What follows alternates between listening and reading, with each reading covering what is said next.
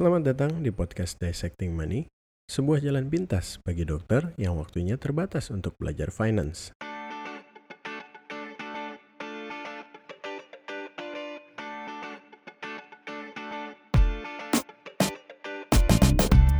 Halo, kembali lagi ke podcast Dissecting Money dan kita kali ini sudah ada di episode ke-8 yang saya beri judul Apa yang sekolah ajarkan mengenai finance. Dan sebelum masuk lebih jauh tentang apa sih yang sekolah ajarkan mengenai finance, saya mau ingatkan kembali pada sejawat dan pendengar sekalian untuk cek website di www.dissectingmoney.com dan secara khusus apabila ditambahkan slash events, di situ akan ada event yang akan diadakan oleh Dissecting Money dalam waktu dekat ini, yaitu pada hari Minggu 15 Maret 2020 jam 1 siang sampai jam 4 sore, sebuah acara yang saya beri judul Why Doctors Are Poor Investors investors. Jadi intinya seminar itu akan membahas apa sih pitfall dokter dalam berinvestasi dan bagaimana cara menanggulangi menanggulanginya, bagaimana cara personal finance yang baik untuk dokter. Kemudian jangan lupa juga untuk cek social media, semua usernya at dissecting money, ada di Twitter, Instagram, maupun TikTok. Tanpa banyak ngomong lagi, mari kita masuk ke episode 8 ini. Halo untuk para pendengar Dissecting Money atau yang suka saya sebut dengan istilah Money Dissectors. Dan sekarang ini saya mau cerita sedikit. Jadi sebenarnya saya merekam podcast episode ini sambil nunggu di mobil. Saya udah sampai di rumah sakit um, poli memang Tapi masih ada waktu setengah jam sebelum jam poli saya mulai dan kebetulan memang di luar ini masih agak gerimis dan saya lagi nggak bawa payung. Jadi masih kejebak di mobil. Ya udah sekalian aja saya rekam episode kebetulan. Um, catatan untuk podcast ini sudah ada di buku saya jadi tinggal saya rekam aja. Um, pakai mic clip on.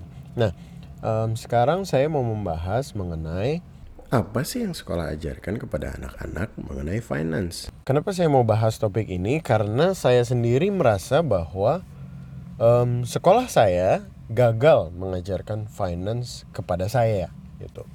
Nah sedikit latar belakang, um, saya itu dari TK sampai SMA di sekolah swasta, sekolah swasta dengan kurikulum nasional. Um, dan menurut saya uh, ada sih beberapa hal-hal yang diajarkan oleh Uh, sekolah saya ada ini ini ini di luar sekolah kedokteran ya jadi belum masuk sekolah kedokteran. Bahkan saya nggak mau bahas sekolah kedokteran karena jelas-jelas sekolah kedokteran itu sama sekali tidak menyentuh mengenai finance dan sama sekali tidak pernah mengajarkan kepada mahasiswanya mengenai keuangan atau finance. Nah kita bahas yang dari TK sampai SMA jadi sekolah saya ini mengajarkan dan saya kira mungkin ini sama dengan sekolah-sekolah lainnya gitu ya. Yang diajarkan mungkin um, ekonomi secara umum kemudian kita juga diajarkan akuntansi jadi masih ingat kan disuruh bikin neraca macam-macam lah namanya tuh neraca lajur neraca apalah yang sampai sekarang aja saya nggak ingat nama-nama neracanya. Bahkan yang uh, apa namanya uh, saya cuma ingat bahwa ya udah pokoknya debit tuh sama kredit uh, mana yang masuk debit mana yang masuk kredit minimal debit sama kredit tuh seimbang lah jangan sampai uh, berat sebelah terutama uh, hutangnya lebih banyak cuma itu aja yang saya ingat dari pelajaran akuntansi sehingga ada gap besar gitu yang saya kira um, berpengaruh di dalam um, pengajaran anak-anak sekolah tentang finance. Nah berikutnya ada satu hal menarik yang saya observe, yang saya observasi, saya amati um, terhadap uh, apa sih efek dari sekolah atau apa yang diajarkan di sekolah dan orang tua terhadap uh, perkembangan ilmu finance anak gitu. Itu yang mau saya bahas dan pengamatan saya itu justru dari relasi saya sama istri saya. Jadi gini ceritanya. Saya punya latar belakang sekolah di sekolah yang kurikulum nasional.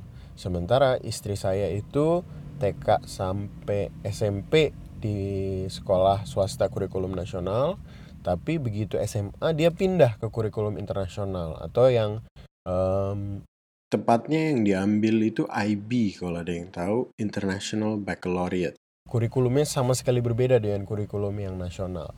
Nah saya mau uh, tekankan bahwa ini bukan artinya saya mau membanding-bandingkan dan uh, seperti bilang mana yang lebih bagus, apakah sekolah nasional atau sekolah internasional. Enggak. Cuma saya mau membuka mata sejawat dan pendengar sekalian bahwa uh, maksud saya gini, bukan artinya sekolah tertentu lebih baik, tapi mungkin ada sekolah-sekolah tertentu atau pengajaran dari orang tua yang spesifik yang bisa menjadi antara faktor pendukung atau faktor penghambat untuk si anak ini fasih mengenai finance atau keuangan. Jadi kalau di kedokteran tuh mungkin seperti faktor resiko lah. Jadi siapa yang resikonya nanti berhasil di dunia finance itu lebih tinggi? Siapa yang justru resiko gagal akan lebih tinggi? Jadi seperti faktor-faktor demikian. Nah, jadi yang saya amati um, pertama kali sebelum saya diskusi sama istri saya, jadi um, saya menyadari dulu sebelumnya bahwa kenapa ya uh, teman-teman saya dari SMA saya yang kurikulum nasional kalau misalnya dibandingkan dengan teman-teman saya yang dari sekolah kurikulum internasional sesudah kuliah nih di mana pun mereka kuliah pas balik kerja starting salary-nya itu beda banget gitu. dan ini dikeluhkan gitu oleh teman-teman saya kok uh, teman-teman saya yang dari kurikulum nasional gajinya satu digit gitu sementara yang dulu SMA-nya kurikulum internasional biasanya starting salary-nya dua digit gitu. Oke, mungkin udah ada yang ngeh bahwa iyalah karena mereka kadang-kadang yang dari sekolah internasional kuliahnya di luar negeri. Nah, sama persis. Jadi dulu itu yang saya pikirkan. Jadi saya sekian lama saya berpikir bahwa iya ya mungkin gara-gara mereka aja kuliahnya di luar negeri sehingga degree luar negeri itu um, lebih berharga atau dihargai gitu ya di negara kita ini sehingga starting salary-nya jadi lebih besar. Nah itu jadi yang saya pikirin sekian lama alasannya itu. Sampai kemudian saya diskusi sama istri saya gitu. Kenapa ya ada se seperti ada semacam gap yang tidak bisa diseberangi antara orang-orang yang dulu sekolahnya kurikulum nasional dengan kurikulum internasional. Dan dari diskusi sama istri saya tersebut itulah baru saya ngeh, saya melek bahwa kayaknya masalahnya memang justru di pengajaran mengenai finance itu sendiri deh. Nah, sebagai contoh gini, um, saya mau bandingkan sedikit tapi sekali lagi bukan artinya yang satu lebih baik dari yang lain. Gini um, saya kira sudah bisa dimengerti bahwa yang pertama untuk orang bisa masuk sekolah kurikulum internasional pasti punya biaya lebih. Ya dong, jelas dari tuition fee-nya, dari duit masuknya, sekolah kurikulum nasional akan lebih murah daripada uh, kurikulum internasional. Dan itu bahkan perbedaannya biasanya jauh banget berbeda bermakna. Nah, dari sini kita bisa ambil poin apa? Poinnya adalah bahwa orang tua dari anak-anak yang bersekolah di sekolah kurikulum internasional seharusnya nih, bukan semuanya ya, tapi seharusnya mereka adalah orang-orang yang sudah mapan, yang secara keuangan sudah mungkin bisa di level financial uh, independence atau bahkan financial freedom gitu. Walaupun nggak semua saya tahu, cuma bisa dibilang mayoritas lah ada di situ. Jadi mereka uh, adalah anak-anak dari orang tua yang sudah mapan secara finance, bahkan mungkin pengetahuan mengenai finance-nya juga sudah sangat mendalam sehingga anak-anaknya tinggal ketularan aja gitu dari dari orang tuanya bahwa oh, ternyata begini cara uh, ayah dan ibu saya memanage uang. Jadi saya tinggal ngikut itu aja. Kontrasnya adalah pastinya yang sekolah-sekolah swasta kurikulum nasional atau mungkin bahkan uh, sekolah negeri gitu ya. Walaupun ya saya tahu banyak juga yang yang uh, berduit tapi masuk sekolah negeri karena alasan mau kuliah dan lain sebagainya. Tapi bisa dibilang gini lah kita nggak boleh tutup mata bahwa kadang-kadang faktor keuangan yang menjadi alasan kita taruh anak kita sekolah di mana.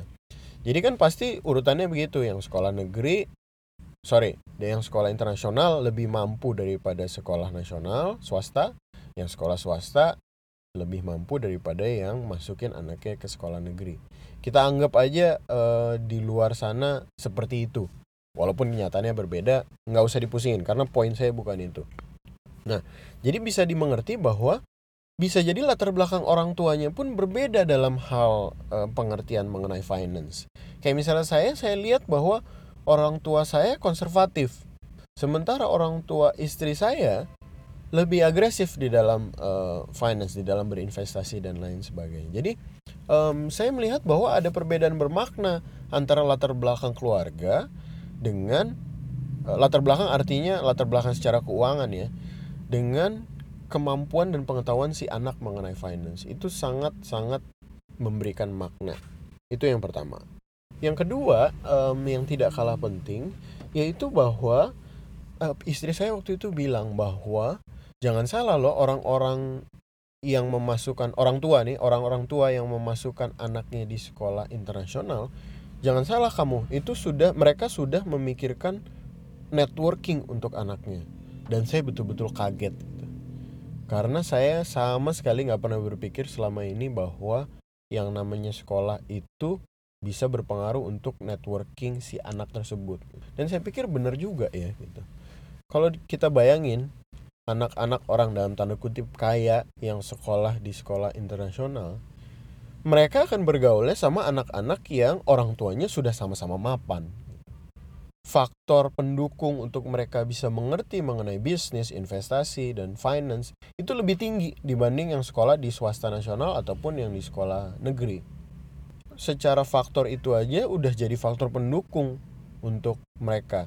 Dan kita ngomong networking sekarang. Jadi mereka udah punya networking, teman-temannya dia, orang-orang tuanya juga orang-orang yang udah ngerti bisnis gitu. Bahkan jangan salah loh, sampai pernikahan aja kita tahu sering kali ada agenda bisnisnya walaupun kedengaran yang nggak enak untuk diomongin ini cuma ini terjadi nyata di luar sana gitu bahwa pernikahan untuk agenda bisnis tuh terjadi setiap saat nah itu berpengaruh. Dan sementara saya di sekolah uh, saya dulu saya cenderung konservatif gitu. Saya nggak ngerti apa itu networking apa itu membangun relasi. Yang saya tahu hanya ya kalau teman saya adalah teman-teman yang bantu saya di saat saya susah. Udah itu aja. Tapi dari segi gimana caranya supaya pertemanan kamu bisa berkembang menjadi sebuah uh, bisnis? Apakah bisa berkembang mengembangkan pengetahuan kamu uh, memperluas wawasan kamu itu nggak ada. Itu saya sama sekali nggak dapatkan dan baru saya sadari belakangan ini. Dan menurut saya itu sudah sangat telat. Nah jadi kita bisa lihat bahwa anak-anak yang sekolah di sekolah internasional mereka punya faktor pendukung ini dibanding yang sekolah di sekolah lainnya. Nah, hal ketiga yang menarik um, waktu itu ini ceritanya agak beda karena waktu itu saya sedang ngobrol sama teman saya, seorang dosen di Fakultas Musik dan dia sih sebenarnya datang dari sekolah swasta nasional gitu. Tapi entah kenapa pengajarannya udah beda sama yang diajarin uh, sekolah saya dulu. Jadi dia cerita gini bahwa selama dia di sekolah semua gurunya selalu mengajarkan dia dan itu seperti di brainwash dalam tanda kutip diajarkan terus menerus bahwa kamu itu harus jadi pencipta lapangan kerja kamu harus jadi pembuat lapangan kerja atau kasarnya kamu harus jadi bos. Nggak boleh jadi pekerja. Kamu harus jadi pemimpin. Dan itu setiap tahun di dalam uh, setiap hari dan bertahun-tahun dicuci otaknya dalam tanda kutip bahwa kamu harus jadi demikian. Sehingga sekarang ini dia pun jadi orang yang sangat inovatif gitu. Mencoba untuk kreatif di musik mencoba untuk kreatif di entrepreneurship eh, aplikasi vlogging dan lain sebagainya. Jadi dia wawasannya tuh udah sangat luas gitu dan, dan dia ngerti networking dibanding saya gitu yang yang cenderung konservatif dalam hal sosial atau networking Sementara saya merasa bahwa pada umumnya sekolah swasta nasional lain atau bahkan sekolah negeri yang diajarkan tuh lebih ke arah etos kerja, bagaimana cara menjadi pekerja yang baik, bagaimana supaya kamu tidak bermusuhan, bagaimana caranya supaya kamu berkontribusi dengan baik nanti pada saat bekerja. Yang notabene semuanya itu baik. Jangan salah, itu semuanya itu baik.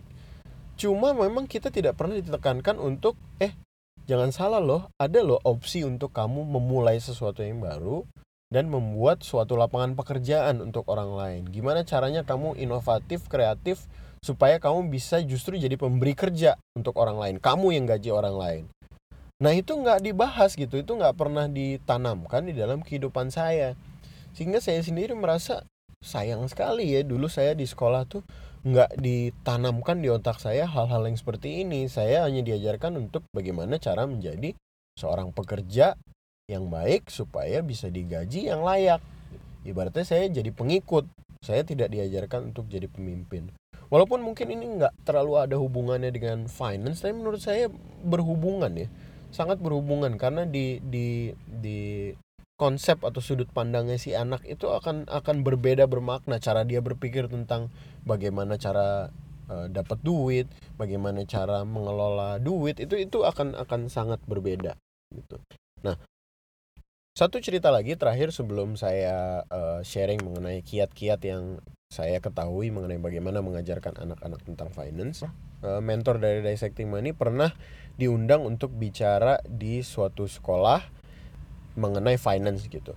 Singkat cerita, pokoknya setelah dia mengajar di situ, akhirnya suatu saat kepala sekolahnya tuh punya ide gitu bahwa oke okay, Pak, bagaimana kalau misalnya suatu saat kita bikin study tour di mana anak-anak SMA pergi ke Bursa Efek Indonesia atau BEI untuk lihat-lihat. Jadi study tour. Dan ini menurut saya luar biasa inovatif gitu, luar biasa kreatif. Dan saya dulu study tour ya seperti biasa lah ya tahu ke Jawa Tengah biasanya lihat candi, lihat budaya dan lain sebagainya. Dan itu bagus, secara budaya bagus untuk memperkaya pengetahuan si anak. Tapi ah, ada hal-hal yang inovatif dan kreatif yang nggak dilakukan sama sekolah saya dulu. Bayangin anak SMA study tour ke BEI Bursa Efek Indonesia dan dikorek ketertarikannya mengenai saham dan dunia uh, perekonomian, bagaimana dunia perekonomian itu bekerja ini kan sesuatu yang sangat bagus gitu menurut saya. Kenapa nggak diaplikasikan ke ke sekolah-sekolah lain? Toh ya saya tinggal di Jakarta. Sekolah nggak sus lebih gampang untuk study tour bikin ke bursa efek daripada ke Jawa Tengah atau Jawa Timur dan lain sebagainya. Lebih nggak makan waktu effortnya lebih sedikit dan mengontrolnya pun saya kira lebih gampang gitu. Jadi ada hal-hal menurut saya yang sebenarnya signifikan yang perlu dilakukan oleh sekolah untuk mengorek ketertarikan anak akan finance. Karena kalau enggak nanti si anak ini akan lulus sekolah dengan berpikir ya udah pokoknya saya kerja aja untuk dapat duit. Gimana caranya saya mau dapat duit ya saya kerja lebih banyak. Dia nggak akan pernah mengerti bahwa ada konsep yang namanya make your money work for you. Otherwise, you will have to work for the rest of your life for money itu dan itu berkali-kali disebutkan di buku-buku mengenai finance. Oke, jadi berdasarkan latar belakang ini sekarang kita udah tahu bahwa mungkin ada hal-hal dari sekolah si anak yang menjadi faktor antara faktor pendukung atau faktor penghambat di dalam seseorang seorang anak itu nantinya mengerti atau mempraktekkan finance di dalam kehidupan dia. Nah, sekarang saya mau sharing beberapa tips-tips aja sih menurut saya yang uh, bisa dilakukan untuk uh, orang tua. Karena saya sendiri juga udah jadi orang tua saya punya anak dua walaupun masih balita mereka belum bisa diajarin. Umur mereka belum bisa untuk diajarin finance. Tapi saya merasa bahwa saya udah harus pikirin dari sekarang gimana caranya nanti saya mengajarkan finance ke anak saya. Dan untuk sejawat atau pendengar yang punya anak di usia SD, SMP, SMA itu menurut saya makin telat makin harus mikirin mengenai bagaimana mengajarkan finance ke anak. Dan ini beberapa hal yang menurut saya bisa diajarkan dan saya dapat dari dari beberapa buku dan dari internet juga bahwa salah satu yang bisa diajarkan kepada anak selain menabung ya, karena kita nabung udah diajarin di sekolah walaupun hanya di rekening bank tapi minimal kita udah tahu caranya tabung. Tapi ada tips-tips uh, unik yang bisa dilakukan. Sebagai contoh gini, gimana caranya mengajarkan uh, anak bahwa kalau misalnya kamu rajin menabung akan ada imbal hasilnya. Jadi kita mau mengajar mau coba mengajarkan return atau imbal hasil kepada si anak. Nah, ada satu cara yang bilang caranya begini. Jadi sediakan toples di rumah gitu ya. Sediakan toples dan misalnya dari uang jajan si anak gitu. Oke, kamu minggu ini dapat 20 ribu ya uang jajan. Seminggu 20 ribu sekarang bisa beli apa ya? Cuma ini contoh saya karena dulu saya seminggu uang jajan 20 ribu. Nah jadi gini oke minggu ini papa kasih kamu uang jajan 20 ribu. Kalau misalnya di akhir minggu ada yang bisa kamu simpen di toples ini misalnya 20 ribu kamu coba pakai 18 ribu kamu taruh 2 ribunya di dalam toples ini sisanya. Nah untuk setiap seribu rupiah yang kamu taruh di situ papa akan tambahkan 500 rupiah. Ngerti nggak sejawat dan pendengar? Jadi kita mencoba menanamkan ke dia bahwa ada loh di luar sana yang namanya kalau kamu menabung, uang itu bisa bekerja untuk kamu gitu. Dalam hal ini si papa mamanya yang jadi si bank seakan-akan atau jadi manajer investasi lah bilang ya. Jadi pada saat kamu menabung seribu saya akan kasih kamu return 50% 500 rupiah. Jadi kalau kamu sisa 2000 minggu tersebut papa akan kasih kamu 1000 taruh di dalam toples itu. Nanti toples itu terserah kamu mau apain. Kalau misalnya kamu mau beli sesuatu ya silahkan pakai dari situ. Tapi artinya return dari si orang tua akan berkurang dong. Karena akan ditambahkan 500 nya hanya per 1000 rupiah yang ada di sana sehingga si anak akan terpaksa untuk berpikir antara dua hal yang pertama oke okay, saya bisa makin cepat mencapai tujuan saya misalnya dia menabung untuk beli mainan beli Tamiya atau apa pun action figure kayak uh, dia jadi berpikir bahwa saya kalau nabung makin banyak saya bisa semakin cepat untuk mencapai tujuan saya menabung. Itu satu. Yang kedua, dia jadi terpaksa untuk berpikir bahwa eh, oke okay nih, kalau misalnya tabungan saya udah cukup, sebenarnya saya bisa beli hal yang saya inginkan. Tapi kalau saya biarin uang itu ada di dalam toples, return saya dari papa mama akan lebih gede.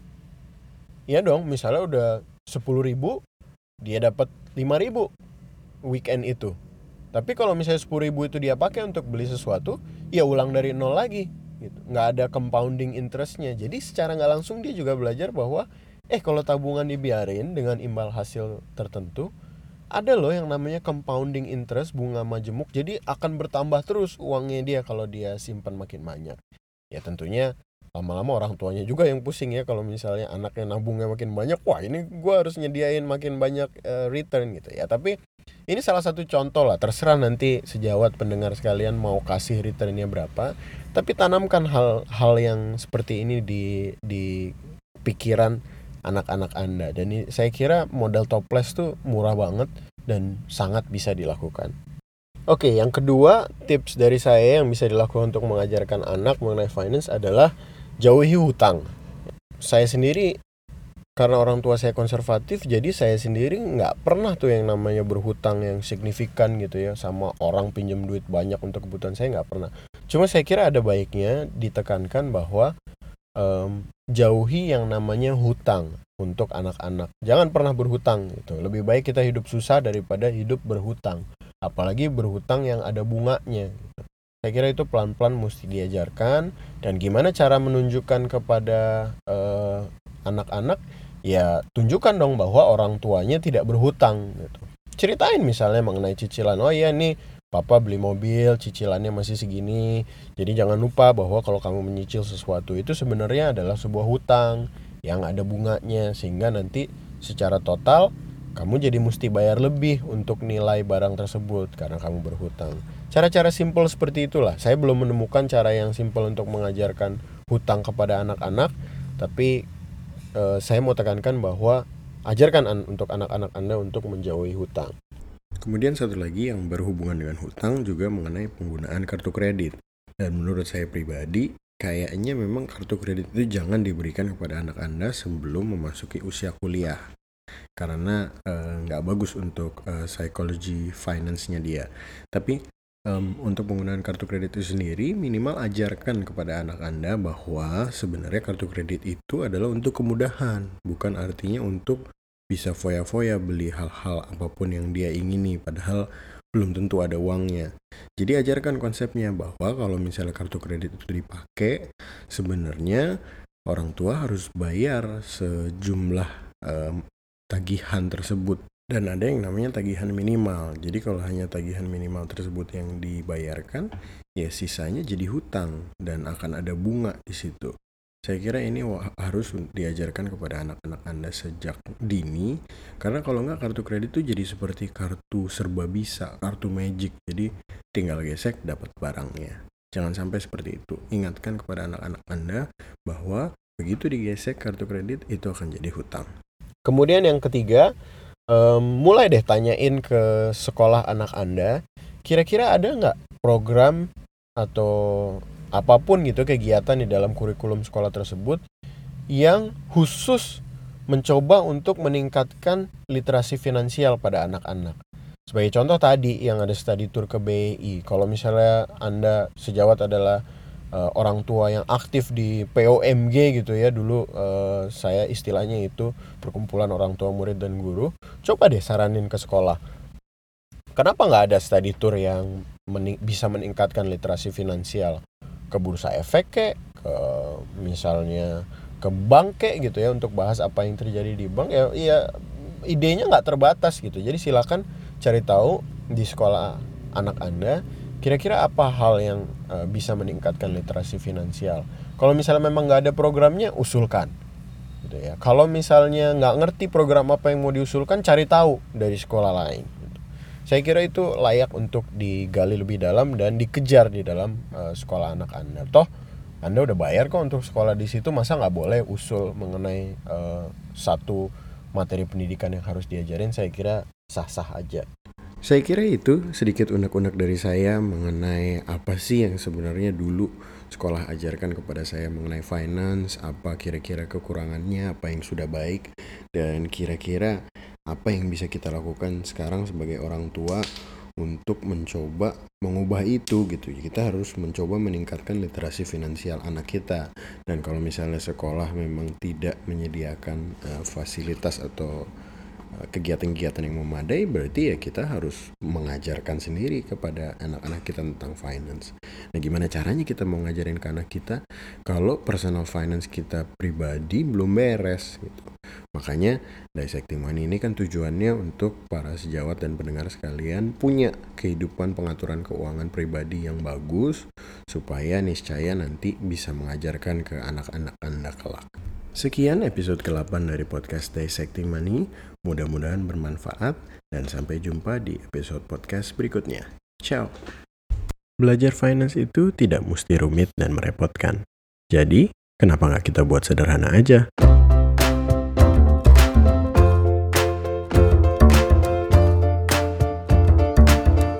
Sedikit disclaimer bahwa saya, Dr. Jefta Tobing, adalah seorang spesialis ortopedi saya bukanlah financial planner atau akuntan, ataupun pengacara keuangan atau bisnis. Sehingga informasi yang Anda dengar di podcast ini biarlah untuk bahan informasi dan untuk senang-senang saja. Jangan dijadikan saran keuangan yang formal. Terima kasih, sampai jumpa di episode podcast berikutnya.